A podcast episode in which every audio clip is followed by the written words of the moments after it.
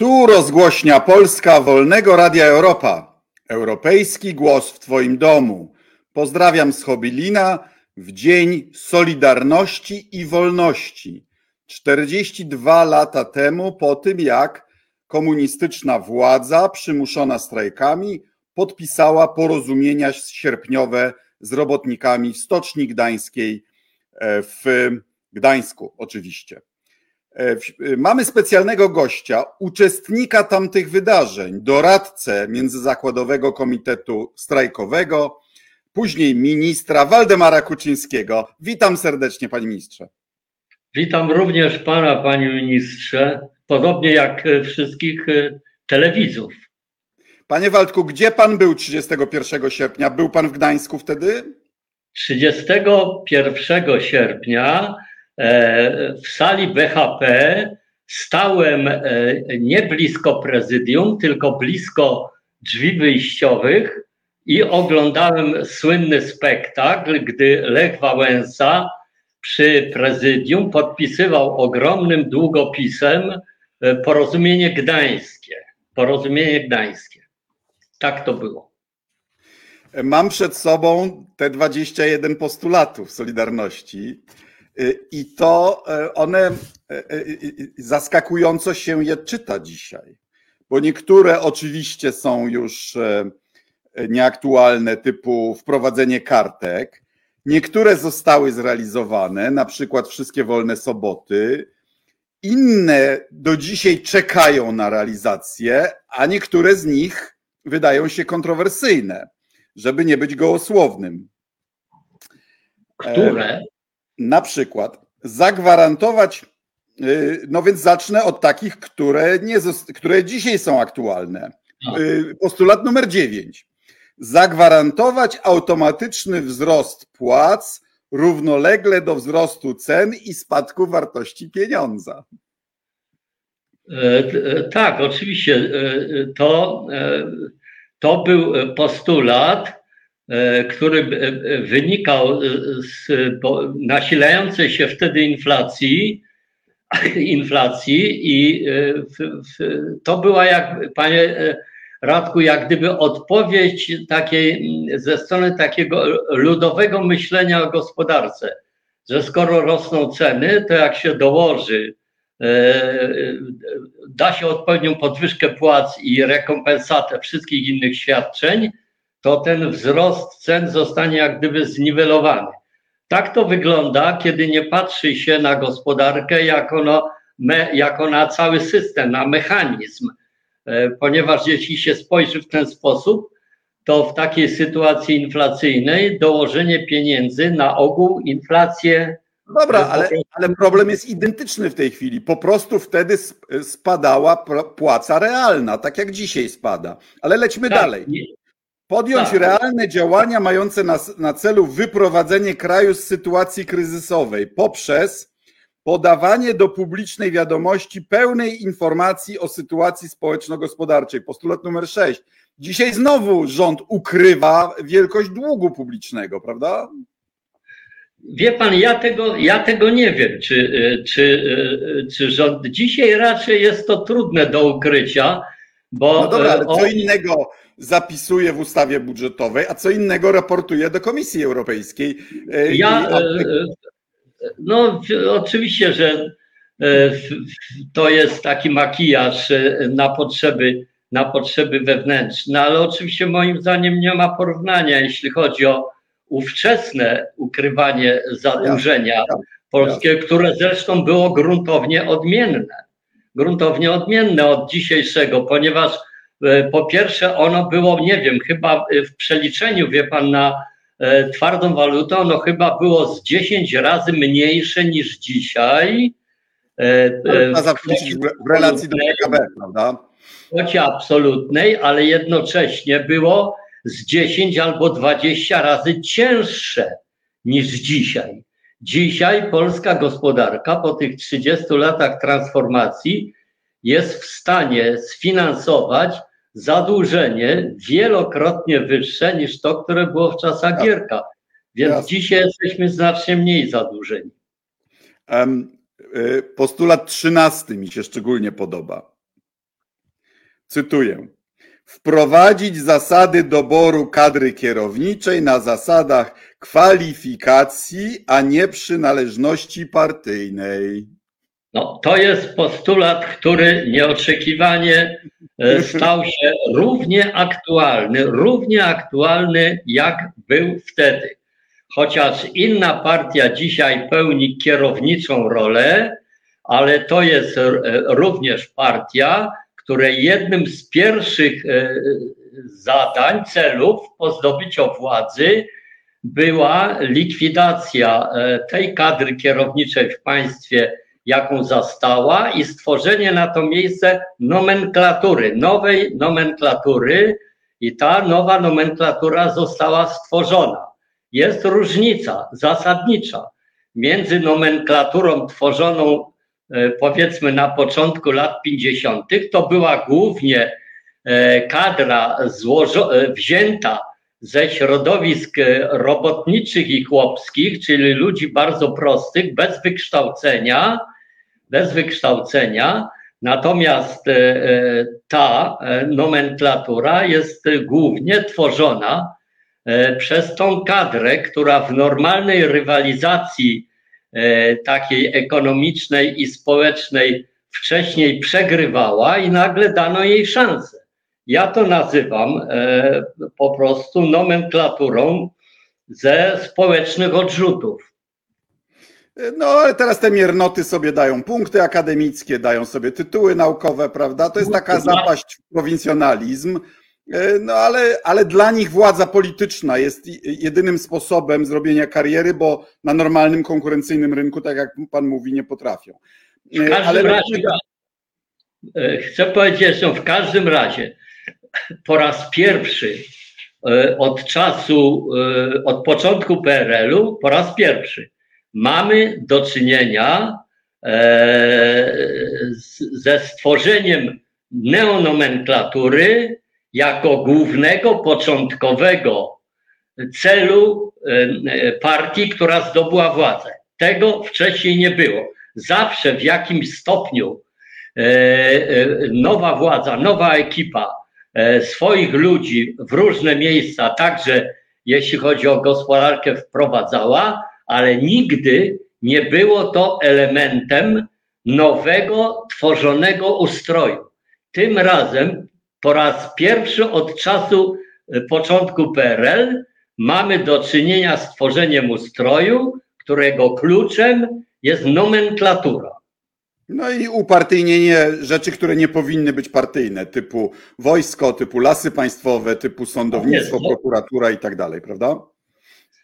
E, ale chcę pana, chcę pana zapytać, jak pan się mógł podpisać pod postulatem numer 14, bo na pewno był z panem konsultowany. Cytuję.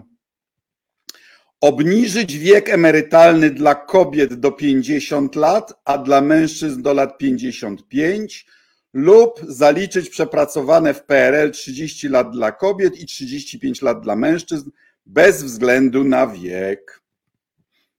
Proszę pan, panie e, Radku, ja tam byłem, ja tam e, nie byłem jako e, ekspert od, od wieku emerytalnego, czy od służby zdrowia, czy od innej dziedziny, tylko byłem tam jako doradca ekonomiczny i tak. również polityczny, i tak. również polityczny. Tak. I godząc się na tą rolę, godząc się na tą rolę, przy, e, również przyjmowałem to z dobrodziejstwem inwentarza, także gdy chodzi o te postulaty, e, które uważałem po prostu za błędne. Za błędne, ale wie pan, miałem dwa wyjścia. Albo się e, nie podpisać pod porozumieniem. Panie Waldemar, żartowałem, Jezus Maria. Albo, albo wyjechać z Gdańska bo 50 lat, no to odważnie, chociaż ludzie oczywiście żyli znacznie krócej, ale ja dalej też jest ciekawie. Przy, wie pan, ja byłem na przy, uważałem za kompletny absurd i idiotyzm e, postulat wprowadzenia kartek e, jako metodę walki z brakami w sklepach. I ja to przez całe 16 miesięcy Solidarności próbowałem w swojej publicystyce przekonywać, ale wie pan, tu było zderzenie z tak. czymś, co ja nazywam ekonomią ludową.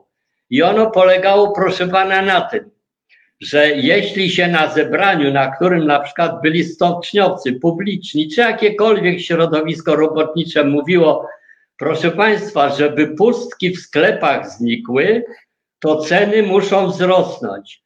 To reakcja była taka, że pod e, trybuną, z której pan mówił, stała taczka, e, a z sali płynął jeden zbiorowy krzyk: Panie, co pan pieprzysz? Nie dość, że ceny rosną, nie dość, że niczego nie ma w sklepach, to pan jeszcze chce ceny podnosić.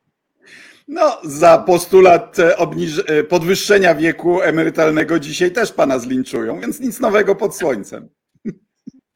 Ale wie pan, e, zobaczymy, czy zlinczują za 15 lat, gdy ludzie pracujący krótko zaczną otrzymywać emerytury.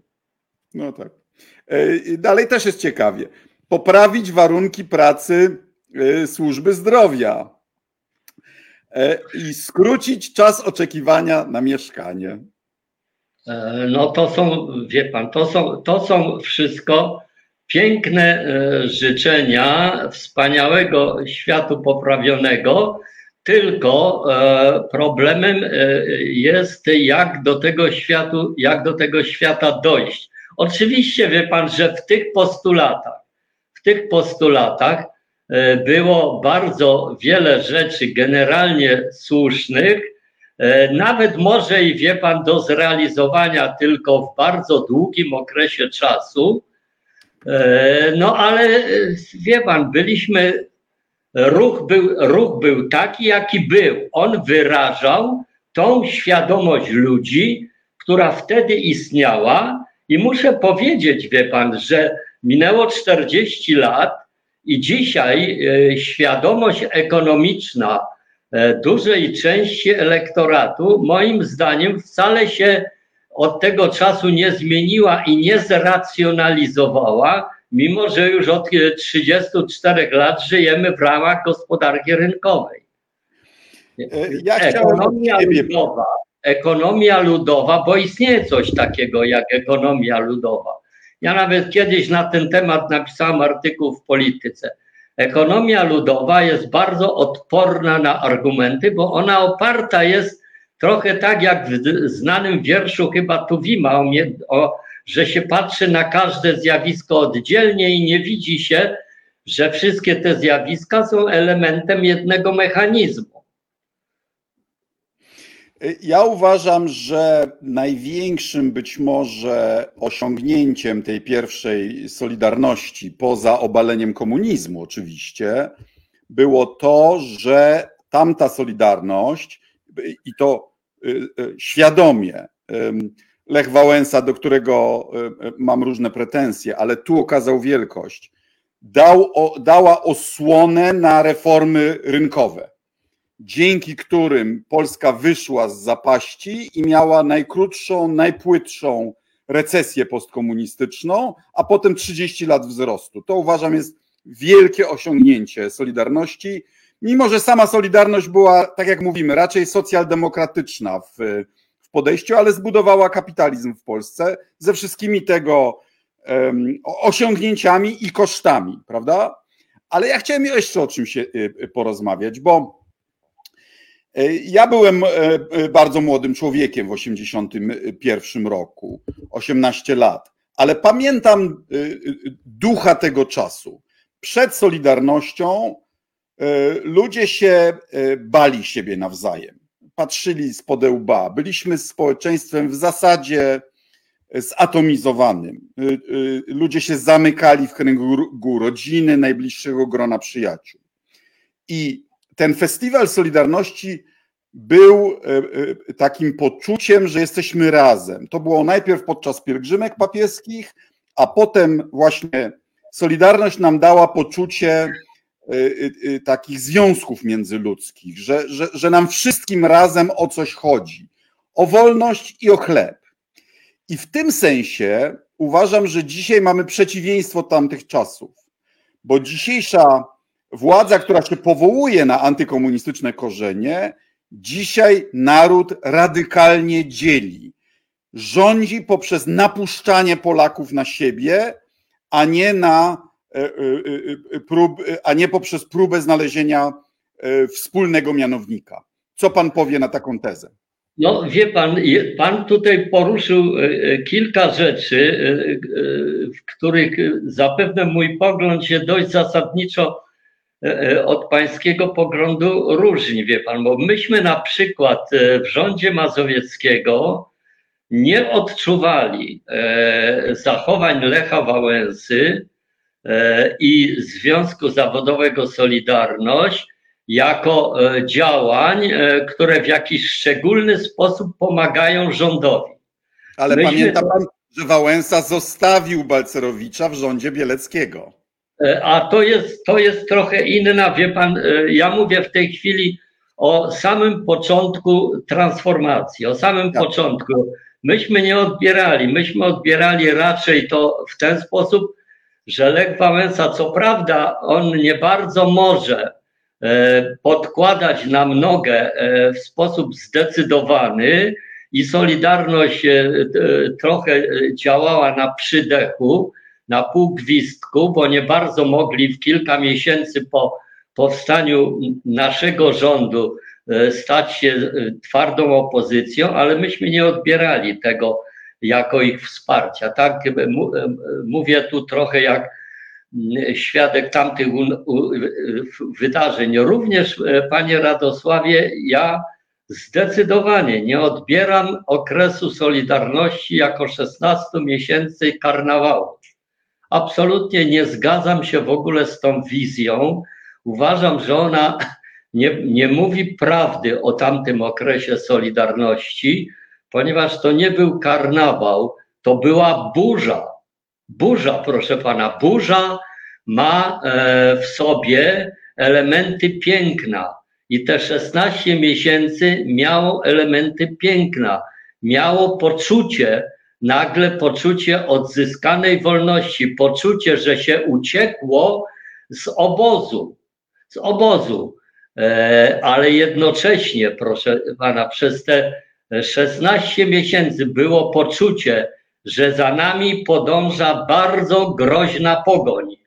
Bardzo groźna pogoń e, i że ta pogoń się e, nie pogodziła, bo praktycznie mówiąc nie mogła się pogodzić z tym, co się stało i że e, w jakimś momencie po prostu ta pogoń może nas dopaść. Okres Solidarności, wie pan, jak się na niego patrzy, to był cykl następujących po sobie w, w odstępie kilku tygodni, czy miesiąca lub dwóch, ciężkich kryzysów, w których, wie pan, połowie narodu serce podchodziło do gardeł. Co się będzie działo? Co się będzie działo? Więc to, ten obraz karnawału jest absolutnie nieprawdziwy ja, podobnie jak nieprawdziwy jest okres, że to było 16 miesięcy jakiegoś nadzwyczajnego zjednoczenia narodu. To jest też ja obraz tak nie, ja tak nieprawdziwy. Proszę? Ja to tak odczuwałem, że, że no, byśmy się. I, I, na pewno, I na pewno wiele osób tak to, wie pan, odczuwało.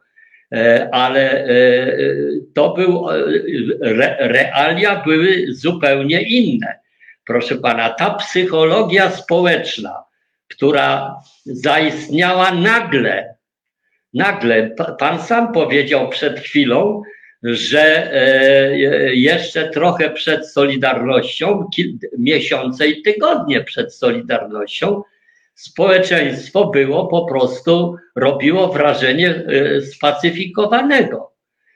I nagle nastąpiła ta e, eksplozja, Proszę pana, i to ta zmiana psychologii społecznej to nie było coś nowego, co się objawiło, bo było wcześniej, tylko było stłumione. E, ta psychologia, to poczucie jedności, ono było generowane przede wszystkim przez tą goniącą nas pogoń. przez niebezpieczeństwo, że z powrotem nam do tej klaty zapędzą i im bardziej, wie pan, e, w danym momencie ostry był konflikt e, z e, władzą, tym w tym momencie ta jedność objawiała się bardziej. Powiedziałbym, solidarność stawała się ładniejsza. Ładniejsza, kiedy następowało odprężenie, pojawiła się normalność, czyli to, że związek zawodowy składa się z kilku milionów realnych ludzi, którzy mają różne poglądy, z których jedni wierzą, inni nie wierzą, z których jedni są odważni, nie są odważni, jedni są empatyczni, inni są karierowiczami, jeszcze inni są kanaliami. Wszyscy byli w Solidarności i im było łagodniej w stosunku z władzą, tym ta różnorodność wychodziła bardziej, wie pan, a najbardziej wyszła w okresie zjazdu Solidarności.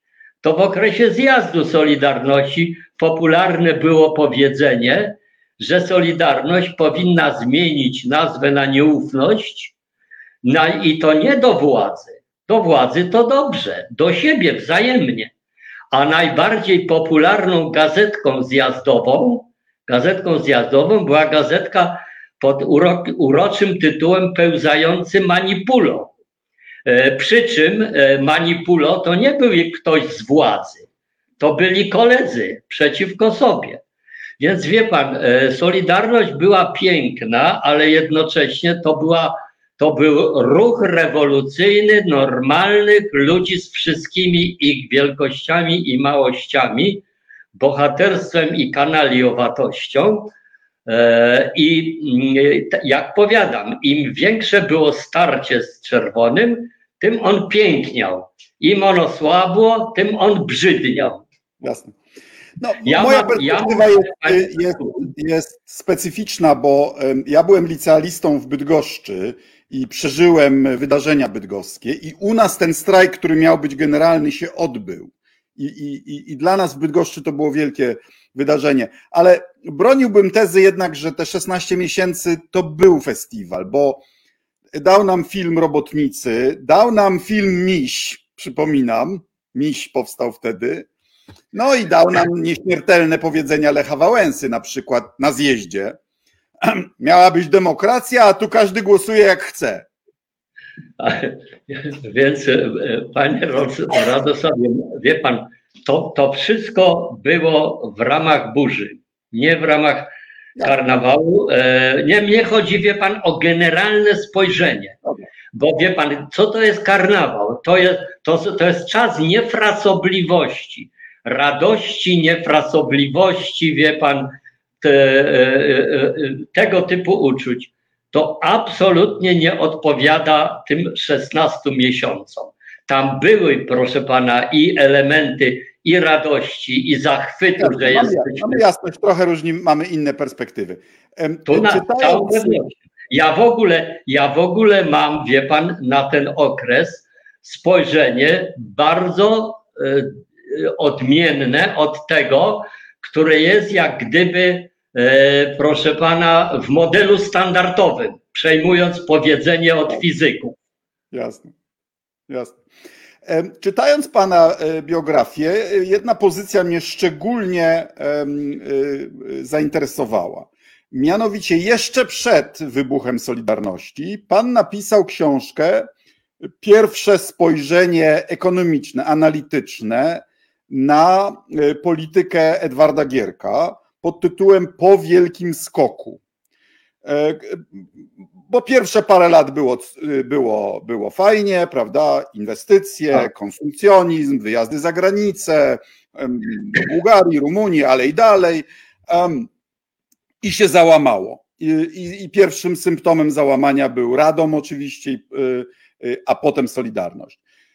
Ale moje pytanie jest, nie będzie takie łatwe o tamten okres. Ja chcę wiedzieć, czy pan widzi jakieś e, paralele, jakieś podobieństwa między wielkim skokiem Gierka, a wielkim skokiem Kaczyńskiego? E, Więc... Bo... Słucham, niech pan dokończy.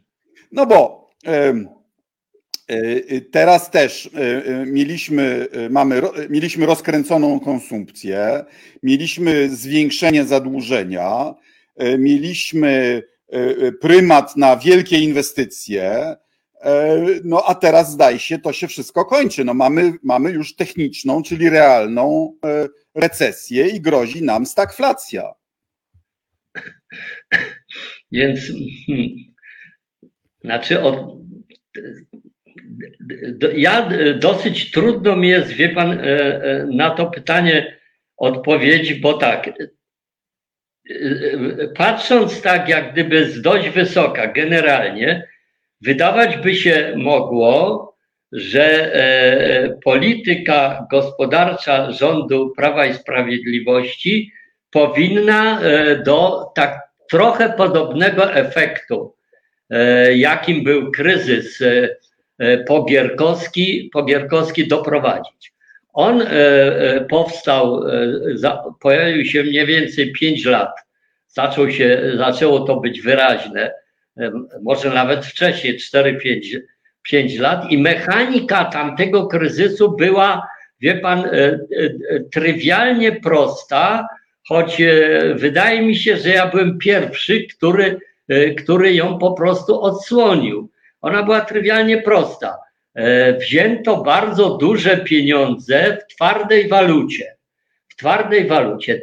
E, e, Gdy był... stopy procentowe na zachodzie były bardzo niskie, prawda? Tak jest, różne rzeczy sprzyjały.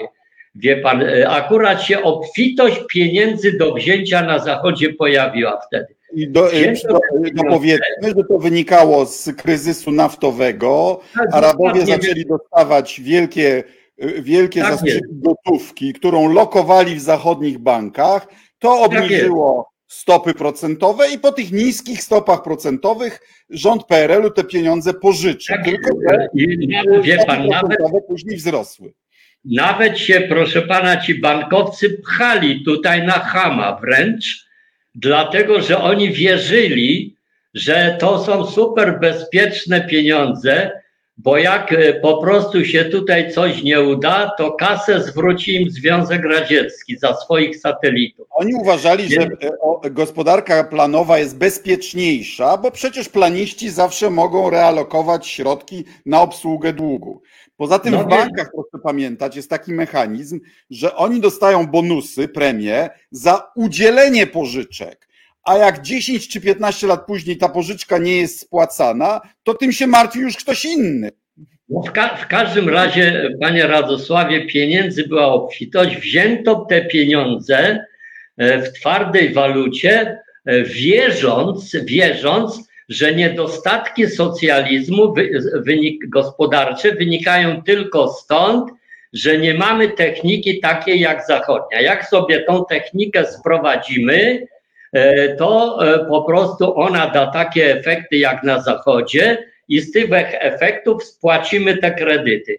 Otóż oni popełnili fundamentalny błąd. Niedostatki socjalizmu nie wynikały e, z techniki, tylko z systemu.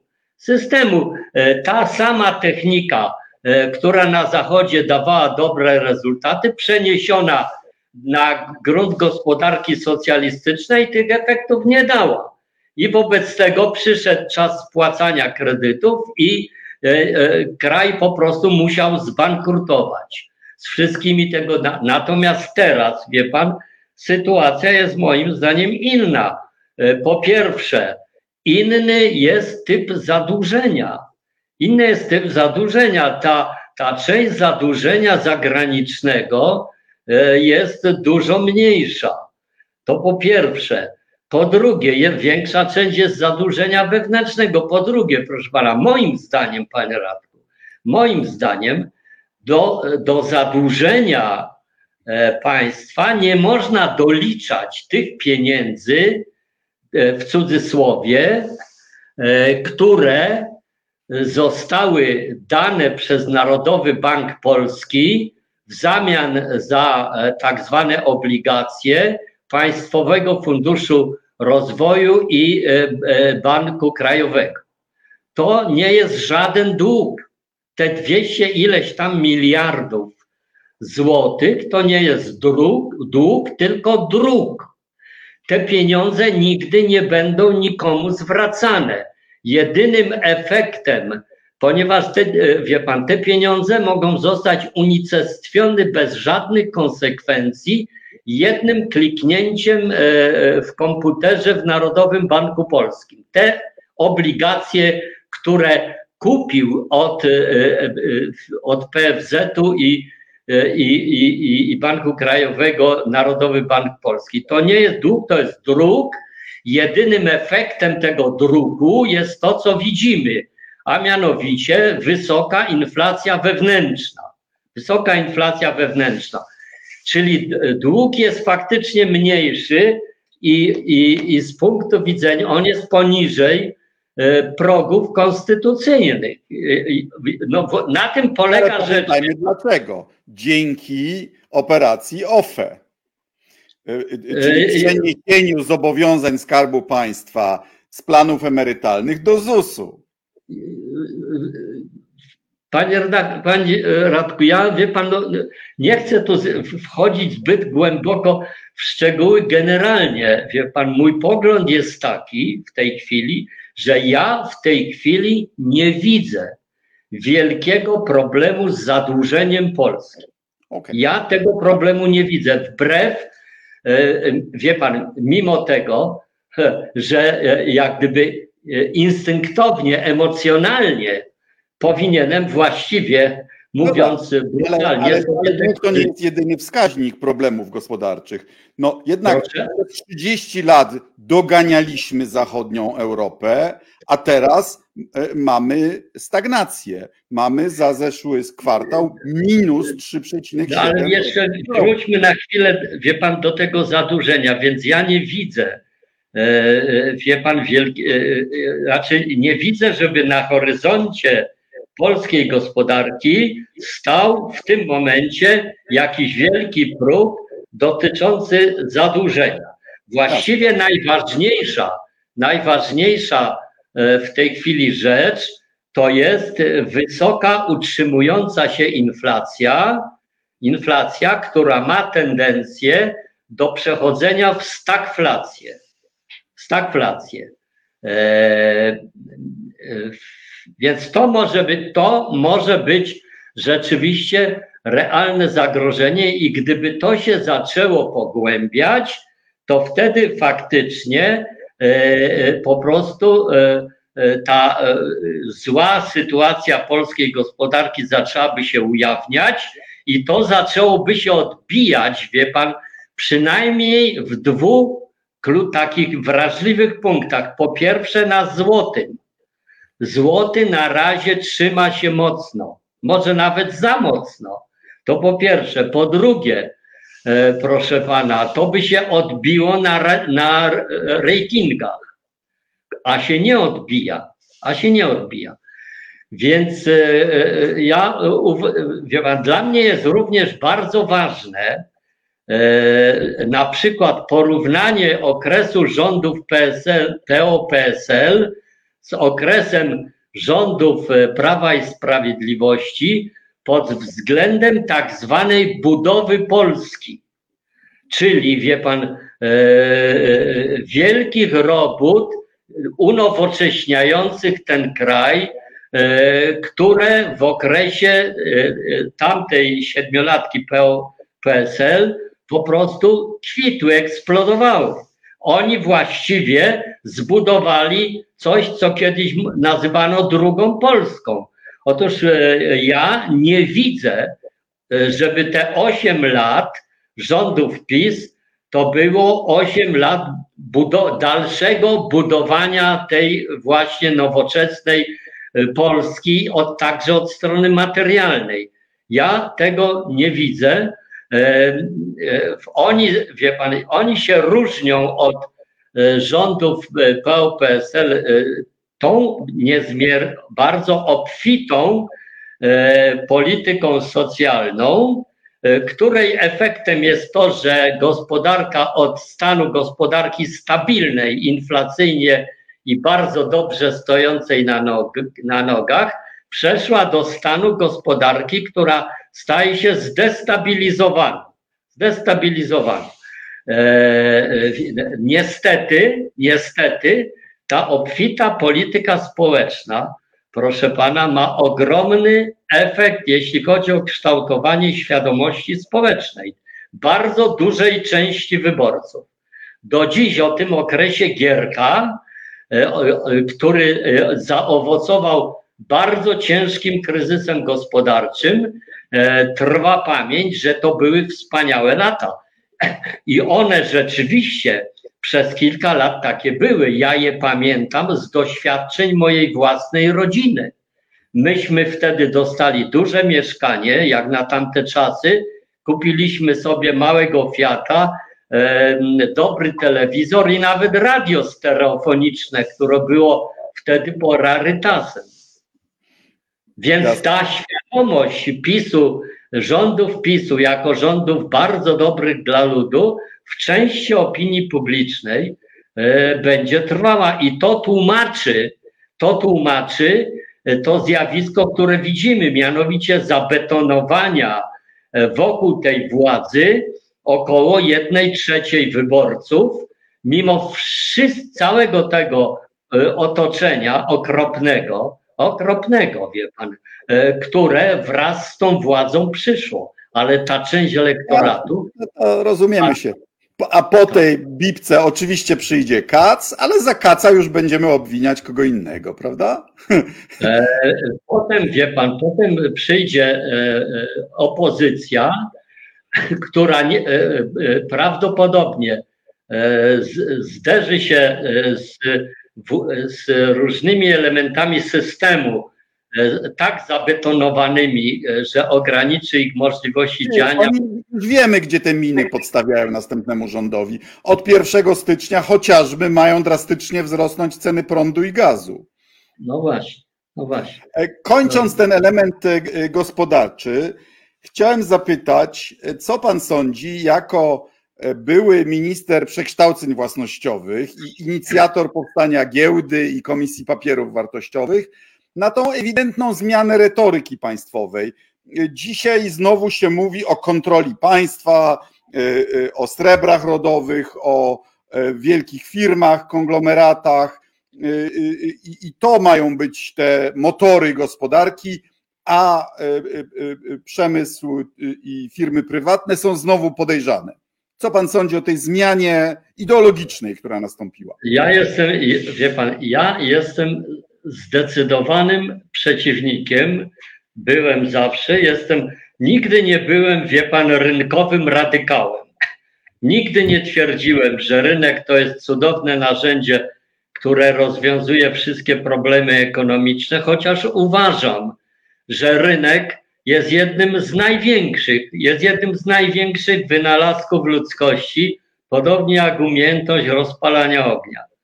E, wie pan ale więc nigdy nie byłem e, radykałem rynkowym, ale proszę pana, uważam, że e, ten kierunek, który został zapoczątkowany 8 lat temu, to jest e, pierwszy raz kierunek odchodzenia od gospodarki typu rynkowego. To jest powrót do etatyzmu, do etatyzmu połączonego z wszystkimi jego negatywnymi cechami, im bardziej gospodarka będzie upaństwowiona, tym będzie mniej e, e, ekonomicznie efektywna, tym będzie bardziej ogarnięta chaosem. Ogarnięta chaosem, bo e, gospodarka państwowa po prostu chaos jej jest atrybutem. Jeśli ona staje się takim jak gdyby czynnikiem decydującym, nieefektywność, chaos, proszę pana, E, korupcja, e, e, kolesiostwo, wszystkie te cechy negatywne. Mnie prywatni przedsiębiorcy mówią, że ze względu na A, inflację i B, chaos gospodarczy, oni się wstrzymali z inwestycjami, bo się po prostu boją inwestować. Dokładnie, więc moim zdaniem, wie pan, to jest droga zgubna. To jest droga zgubna. Początkowo, wie pan, E, e, e, efekty tej mogą nie być widoczne, ale one już zaczynają być widoczne i jeżeli jeżeli Prawo i Sprawiedliwość utrzymałoby władzę i ten kurs by, byłby kontynuowany, to to się skończy w sumie bardzo niedobrze, jak mawiał kiedyś profesor Czesław Bobrowski, przede wszystkim dla żab, czyli dla tak zwanego szarego człowieka. Nie dla nomenklatury pisowskiej, nie dla nomenklatury pisowskiej i nie dla różnych... kupiła mieszkania w Hiszpanii, prawda? No więc właśnie. To jest droga zgubna i ludzie powinni mieć świadomość, że ta władza, którą, której część z nich bije brawo, prowadzi Polskę na skraj klifu. Nie tylko pod względem gospodarczym, ale także pod względem politycznym. Oni prowadzą Polskę na skraj klifu i niebezpieczeństwo ogromne. I są ta, także z innych powodów. Jeśli chodzi o wojnę z Unią Europejską, jeśli chodzi o niszczenie podstaw ustroju demokratycznego i próbę wprowadzania ustroju państwa opartego o zasadę Führer-Prinzip. Bo przecież Jarosław Kaczyński jest dzisiaj jedyną osobą w Polsce, która jest, stoi ponad prawem. Jego nikt nie ośmieli się wezwać na jakieś, nie wiem, przesłuchanie, rozmowę bez jego zgody.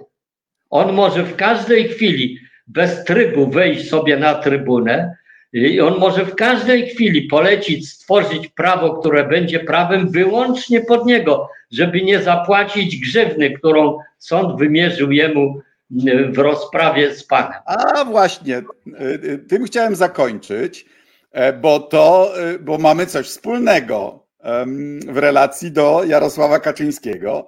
No tak. Mianowicie obul nam e, Jarosław Kaczyński wytoczył proces cywilny, E, bo poczuł się e, urażony naszymi stwierdzeniami, że prezydent Lech Kaczyński przyczynił się do katastrofy smoleńskiej. Obydwaj przegraliśmy w pierwszej instancji, ja się odwołałem, pan też. No i chciałbym usłyszeć, dlaczego pan obstaje przy swoim stanowisku. Ja przy tym stanowisku obstaję E, od momentu, e, kiedy przeczytałem pierwsze odsłuchy e, rozmów w kokpicie zrobione przez Instytut Cenia. To był rok 2010, w środek, w czerwiec chyba. Od tego czasu, wtedy sformułowałem taki pogląd, że katastrofa nastąpiła wskutek nieodpartej potrzeby prezydenta Kaczyńskiego, żeby zdążyć na czas w Katyniu i niezdolności e, takiej emocjonalnej pilota do przeciwstawienia się, powiedzmy, tej nieodpartej woli.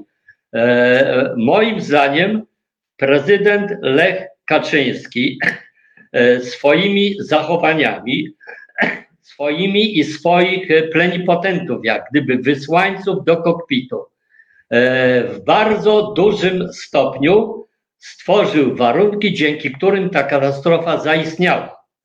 Ja przedstawiłem w gazecie wyborczej e, bardzo obszerny artykuł, e, analizę, analizę minuta po minucie, analizę tego, co się działo w kokpicie, no i stan, ponury spektakl, ponury spektakl, z którego jasno wynika, że prezydent Kaczyński e, pogwałcił rolę pasażera.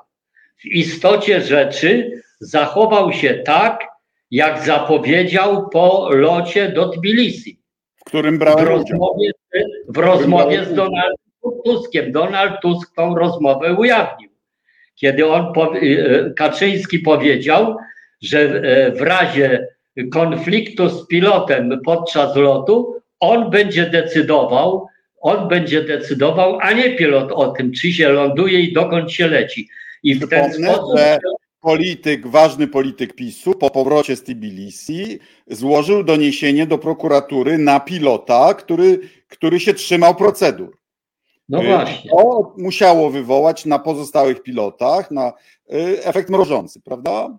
Więc przyczynił się w ten sposób, że uzurpował sobie uprawnienia kapitana. E, na Tak pewno jest, to robił w locie do Tbilisi. Tutaj z rozmów w kokpicie wynika to samo. Po drugie, ja uważam, no spóźnił się dwadzieścia parę minut. A przecież Jaczek, który leciał przed Tupolewem z dziennikarzami, y, trochę wcześniej, y, mgła już była, ale jeszcze nie taka zła i dał radę wylądować. Więc gdyby się nie spóźnił, znowu być może by wylądowali bezpiecznie.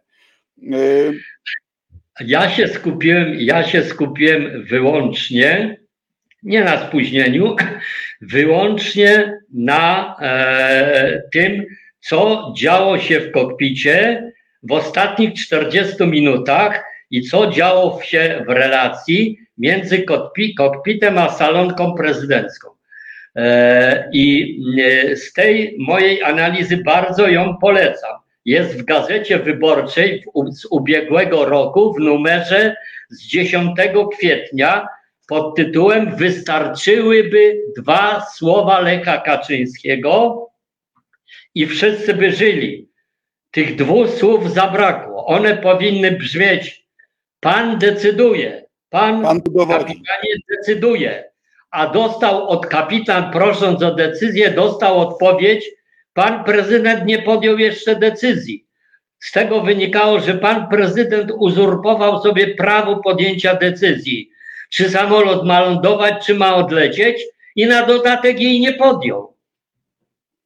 No i To jest- są te słowa odczytane, zmieścić się śmiało generała Błasika. E, To przecież- był, to, Błasik był tam do ostatniej sekundy i do ostatniej sekundy, choć powinien wrzeszczeć, jeśli już chciał cokolwiek gadać, a nie zmykać z kokpitu, powinien wrzeszczeć do pilota, odlatuj pan. No, A on do niego system mówi- ostrzeżeń. On do niego mówił pomysły, kiedy samolot, że tak powiem, lada moment trzasnąć miał w brzozę. A, a wrzeszczał system, y, i to 13 razy, system ostrzeżenia przed y, y, starciem z ziemią. Terrain ahead, pull up. Terrain ahead, pull up. Ziemia, ziemia, wzbij się w górę.